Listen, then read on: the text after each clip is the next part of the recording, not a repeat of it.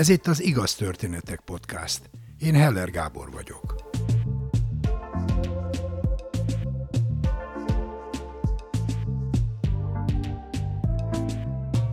Egy váratlan esemény felforgatja az életed. Azt kérdezed magadtól hitetlenkedve, ez hogy történhet meg velem? Miért pont én? Ismerősen hangzik? A kérdés persze nem az, hogy találsz-e elfogadható magyarázatot vagy sem, hanem az, hogy hogyan reagálsz. Sajnálod magad? Ráeszmélsz valamire? Új pályára állítod az életedet? A mai két történetet egy-egy ilyen egész életre kiható esemény kapcsolja össze. Először Mersz Tibor mesél.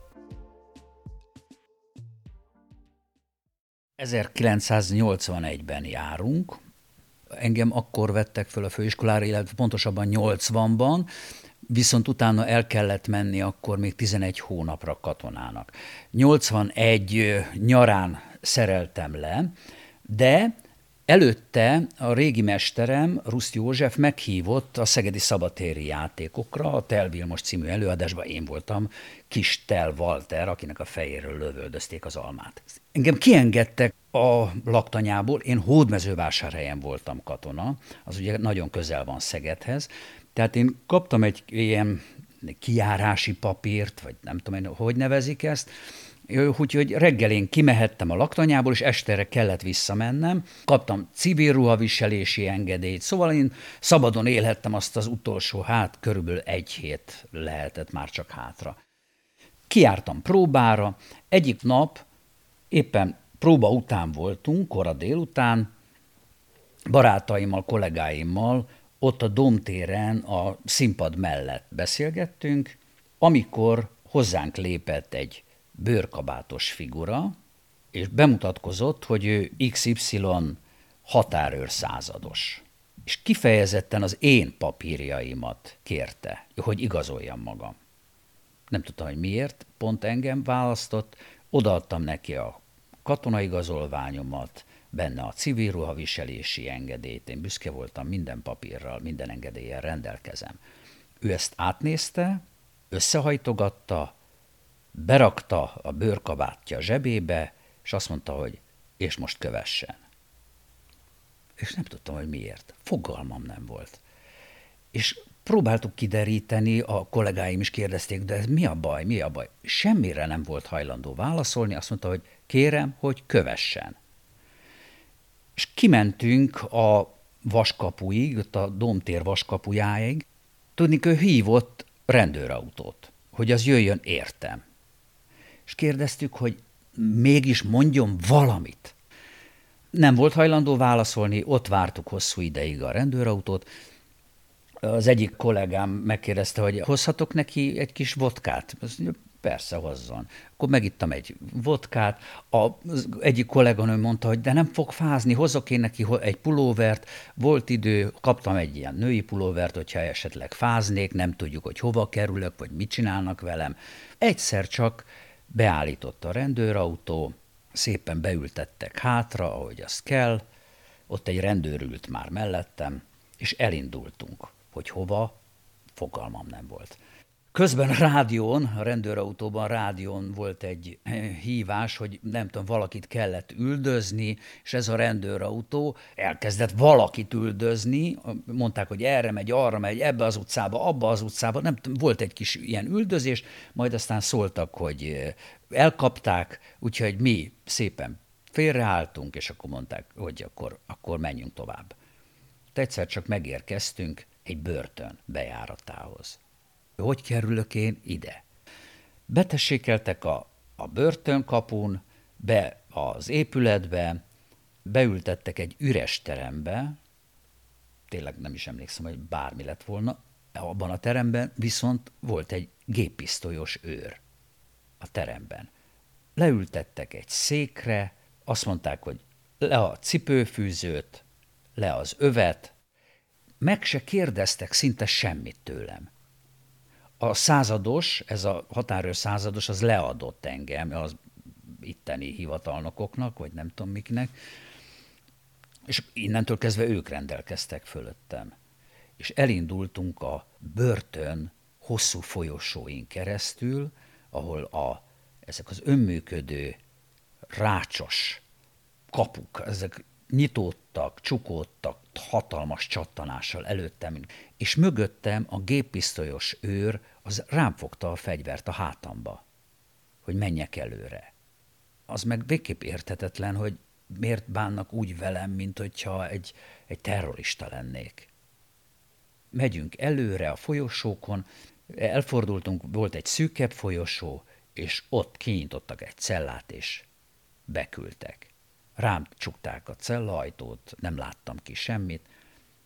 Maga a cella az, az egy igazából egy üres terem, amiben ilyen lehajtható, tömör fa pricsek voltak, lópokróccal, és egy kübli. Fönt magasan volt egy ilyen keskeny ablak, tehát valamennyi fény bejött, legalább a napszakról lehetett tudni egy üres szobában, hogy körülbelül most süt a nap, vagy sötét van. Egyébként egyedül voltam, igazából ez a rámtörő magány volt félelmetes, elemezgettem magam akkor is, hogy, hogy nem félek. Nincs pánik. Értetlenség, a, a, a képtelenség, és hogy, hogy megpróbáltam minden áron valamiféle logikus magyarázatot találni erre az őrületre. Tehát azon járt egyfolytában az agyam, hogy ez mi, miért lehet, ki helyett vagyok itt, megfordult a világ teljesen, mi történt? És minél előrébb megyünk az időbe, és így bezárva, annál képtelenebb gondolatok jutnak az ember eszébe. Annál elképesztőbb ötleteim támadnak arra, hogy, hogy, hogy mi történhetett egyáltalán az egész világgal, hogy én ebbe a helyzetbe kerültem. Sokáig voltam ebben az állapotban, csak zakatolt az agyam folyamatosan.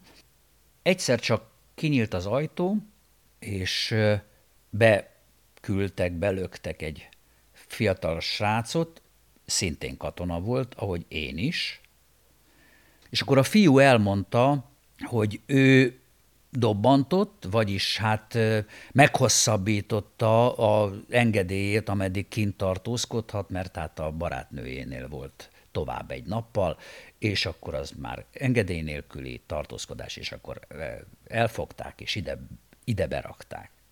Kicsit irigy voltam rá, ő legalább tudta, hogy miért van itt, és azt is, hogy mi vár rá. Hát nem túl jó dolgok, de legalább tudta.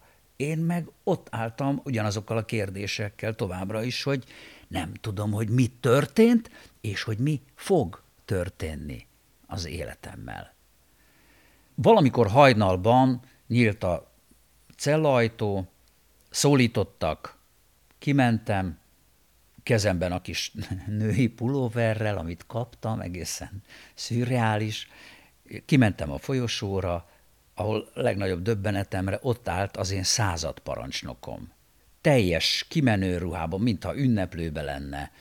Átadtak neki, ő pedig mondta, hogy na jöjjön. És elindultunk kifelé. És kimentünk ebből a börtönből, ez a szegedi katonai börtön volt, mintha mi se történt volna. Beültetett a zsiguliába, és Szegedről szépen visszavitt engem a hódmezővásárhelyi laktanyába. Még az autóban azt mondta, hogy elnézést kell kérnie, mert hogy ez az ő hibája, mert hogy egyszerűen megírták az írnokok a civil ruhaviselési engedélyemet, de ő elfelejtette aláírni.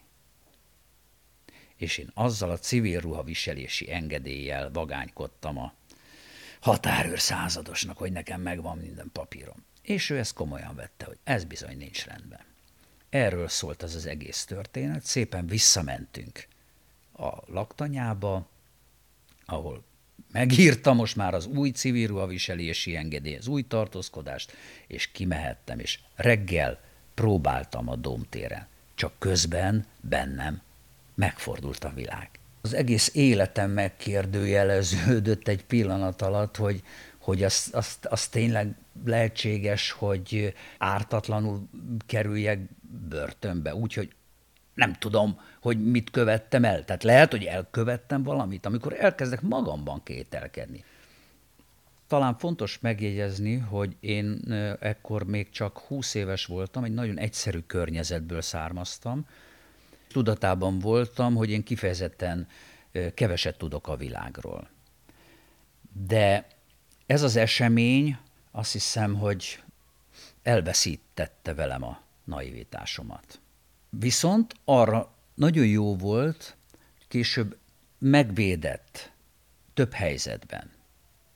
Amikor megéreztem, hogy ott a szele, a lehetősége annak, hogy ebbe a másik dimenzióba kerülhetek át, ebbe az ismeretlenbe, ebbe a, az inger szegény, kegyetlen világba, akkor lehetőleg visszafordultam, és a szeretteimet is megpróbáltam megóvni.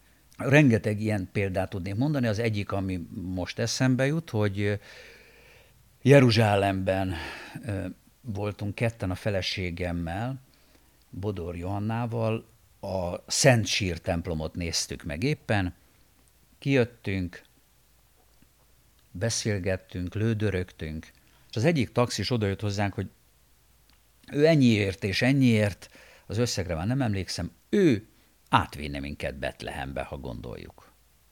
A taxis unszolt minket, hogy menjünk, menjünk. Johannának is nagy kedve lett volna. Betlehem a biztonságos izraeli területeken kívül eső elzárt részem volt. Ismét jött a reflex, ami megóvott már oly sokszor, hogy nem tehetjük meg, hogy olyan helyzetbe kerüljünk, amikor nem mi uraljuk a saját sorsunkat, amikor, amikor kiszolgáltatottakká válunk.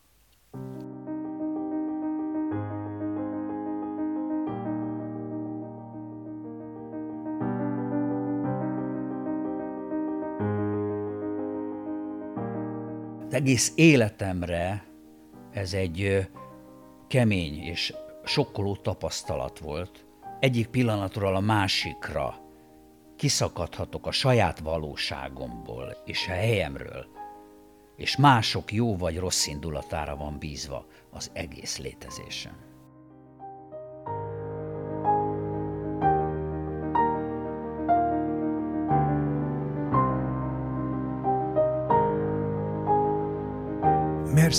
Jászai Mari díjas színész. A Színház és Filmművészeti Főiskola elvégzése után olyan sok társulatban dolgozott, a Szolnoki Szigligeti Színháztól a Budapesti Nemzeti Színházig, és olyan sok szerepben volt látható Shakespeare-től Madácson át Spíró György darabokban is, hogy még említés szintjén is nehéz felsorolni. Hét játékfilm, egy tucat tévéprodukció, többek közt, hogy csak a legfrissebbeket említsem, szerepelt a nagy sikerű Aranyélet és az Apatigris című sorozatokban is. Felesége Bodor Johanna táncművész és koreográfus, akinek az emlékezetes történetét, ha elszalasztottad volna, hallgassd meg az Igaz Történetek Podcast 54. epizódjában.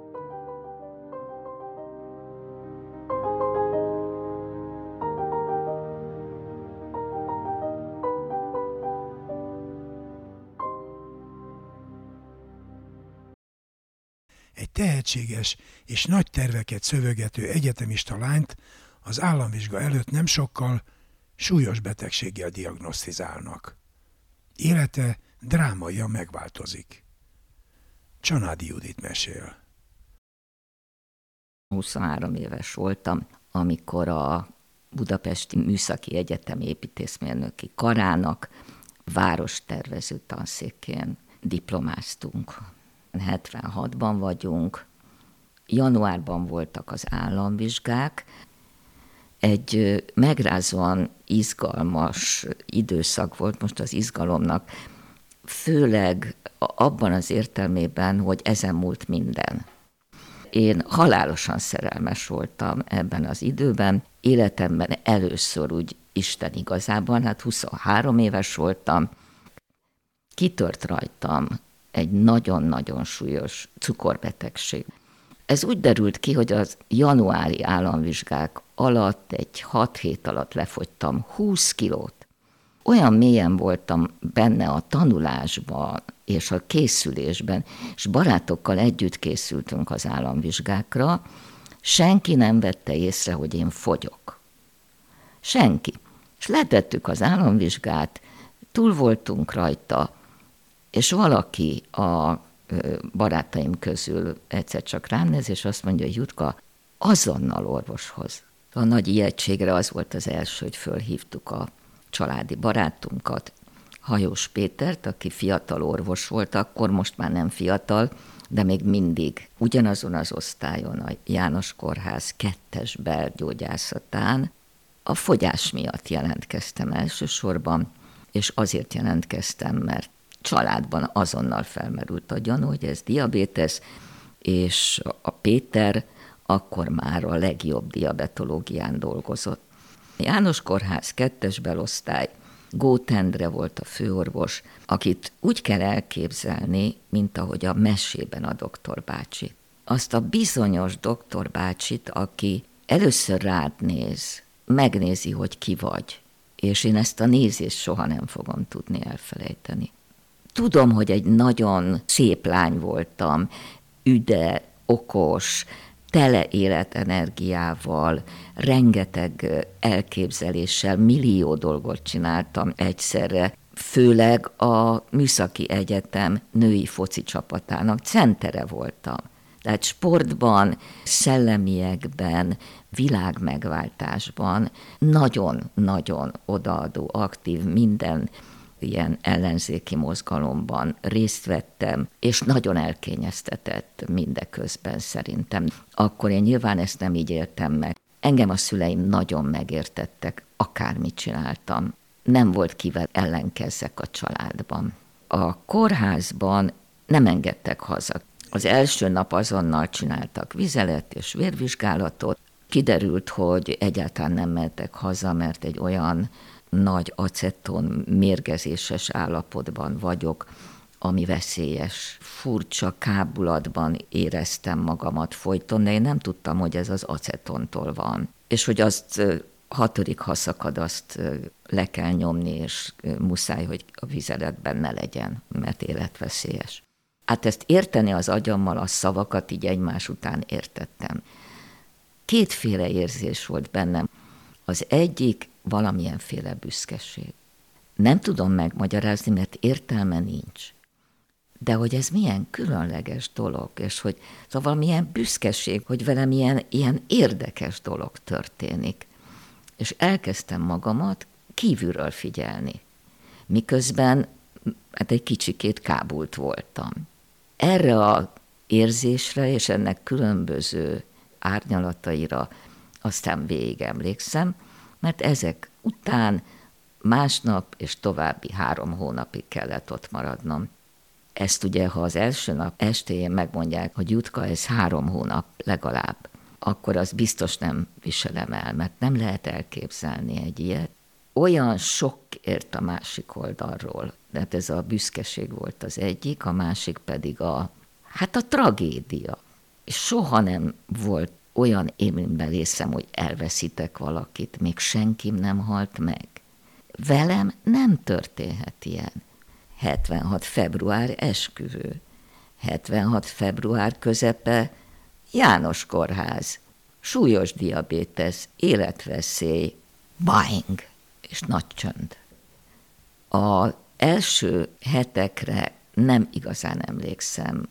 Rettegés, reménytelenség. Igazából először volt egy ilyen élményem saját magamról, hogy ez nem velem történik. Nem emlékszem igazán az első napokra, hetekre.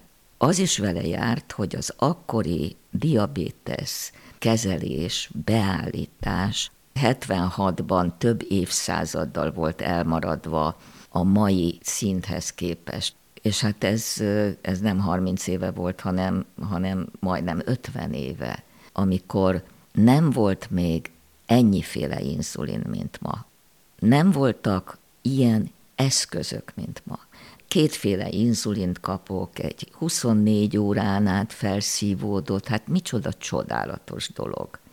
És amellé adok étkezésenként kevés, gyors felszívódású, három órán keresztül ható inzulint. De hát akkor egyféle inzulin volt, Magyarul csak úgy tudtak kezelni, hogy az a lényeg, hogy a vércukromat levigyék. Levitték. Na de nem tudták mérni, hogy mennyi a vércukorszintem, hanem satszolni tudták. És a satszoláshoz képest adtak annyi inzulint, hogy egy héten kétszer-háromszor elveszítettem az eszméletemet.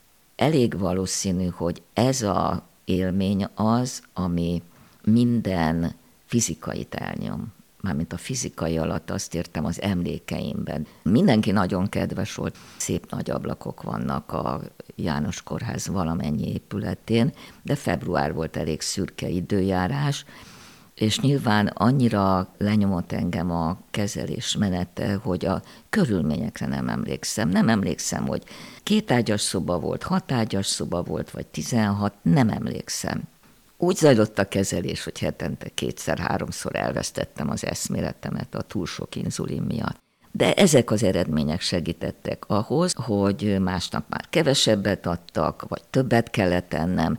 Tehát amíg összehangolták az étkezést és az inzulin adagolást, nem az eszmélet elvesztése volt a megrázó. Arra ugye nem emlékszem, hiszen elájultam, de visszajönni, arra igen felébredni az eszméletvesztésből.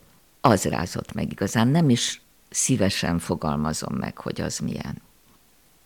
És nekem közben diplomáznom kellene. Az a szemeszter volt, amikor diplomamunka, ez először körülbelül február után, márciusban jutott eszembe, mert nem voltam eszemnél. Ez egy léten kívüli, valahol kegyelmi állapot volt, mert a hétköznapi élet minden nyűge lekerült a vállamról. Tehát az a stressz, ami okozta ennek a betegségnek a kirobbanását, az egy pillanat alatt megszűnt, és valami olyan felszabadult könnyűség következett a pánik végeztével, hogy ez a meghatározó élmény benne. Elmúlt a félelem is. Valami más kezdődött el márciusban, arról nem beszélve, hogy, hogy a János Kórház parkja az valami egészen gyönyörű hely. És pont a kettes belosztály előtt, és azt hiszem most nemrég a Gót professzor úrról elnevezték azt a sétányt a János Kórházban, és ő megbeszélte a Hajós Péterrel, aki sokat ügyelt, ugye fiatal orvosként, hogy a Péter szobájába én minden nap költözek be. Délelőtt a kezelések után és délután és néhány órára, és álljak neki, legyek kedves a diplomamunkámnak, mert miért lébecolok itten Isten legnagyobb haragjára? Tessék neki állni dolgozni.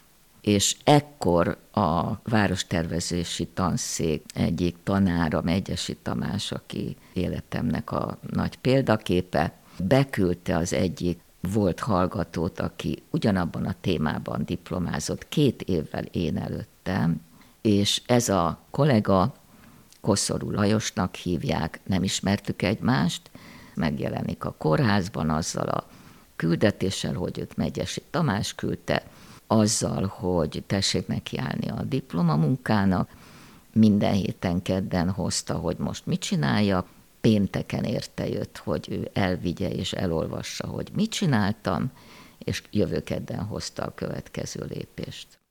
Továbbra is időnként elveszítem az eszméletemet a túlzott inzulin mennyiségtől, de elkezdtem megérteni azt is, hogy miért veszítem el, akkor már kevésbé volt megrázó, hogy felébredek. Egyébként is nem azzal foglalkoztam, ami a betegség, hanem kizárólag a diplomamunkával megvédtem a diplomámat júniusban, és természetesen égföld és a természet valamennyi barát rettenetesen sokat segítettek abban, hogy ez elkészülhetett fizikailag is. Egy nagyon nagy munka volt, nem csak szellemileg, mindenféle díjakat nyert ez a diplomamunka, azért is mondom, hogy nem én nyertem, hanem a munka, mert nagyon sokan, többek között a diabétesz is nagy szerepet játszott benne, nagyon nagy szerepet.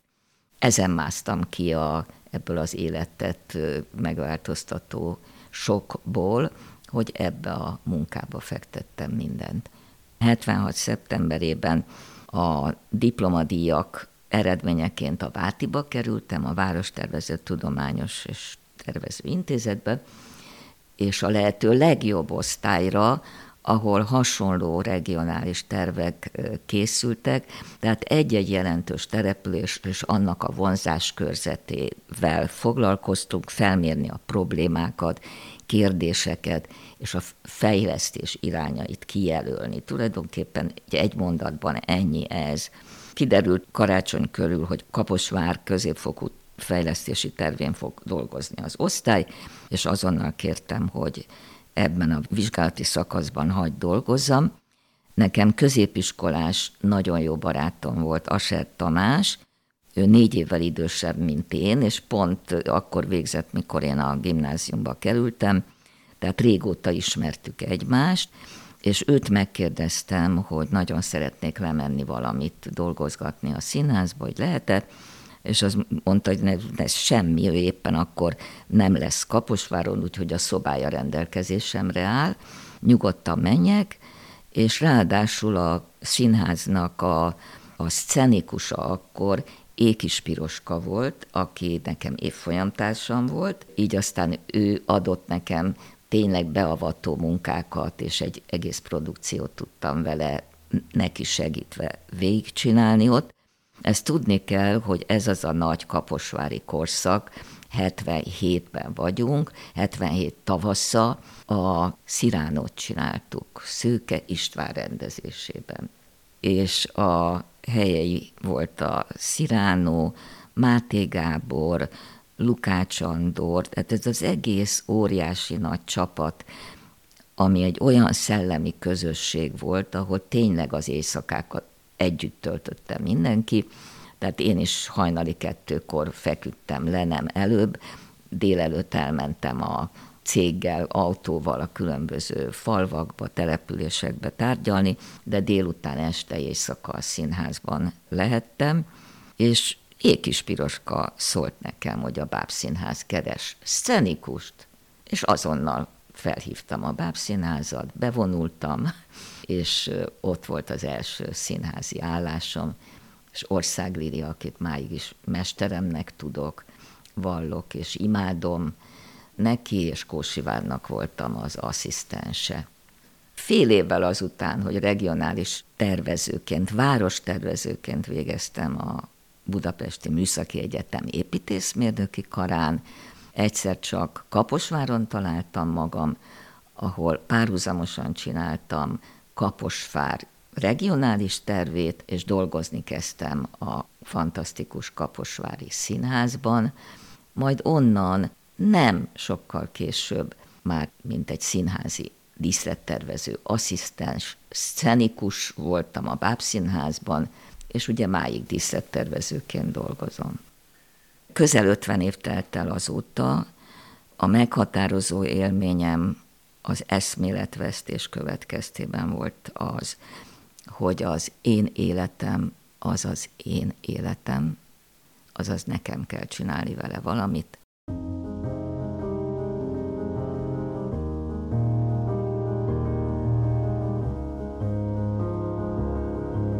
ha nem történt volna velem ez a egészségügyi tragédia, soha nem álltam volna a saját lábamra, nem is szembesültem volna azzal, hogy ki is vagyok tulajdonképpen. Nem lett volna belőlem díszlettervező, az én pályámon csináltam 350-400 díszletet, éppen most lettem a Széchenyi Művészeti Akadémia tagja, amire nagyon-nagyon büszke és boldog vagyok, nem mertem volna bevállalni a művészlétet, hogyha ez a betegség nem történt volna velem.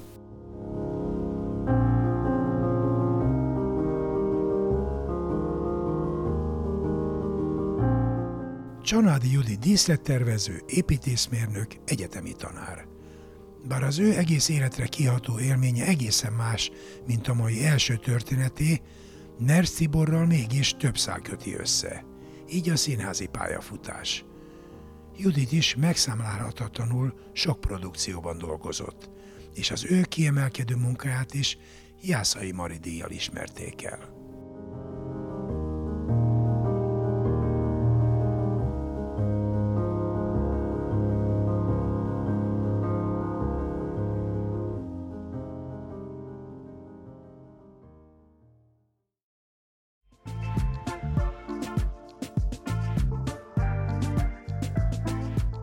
Mindenkinek vannak sorsfordító, képtelen, megható vagy mulatságos történetei.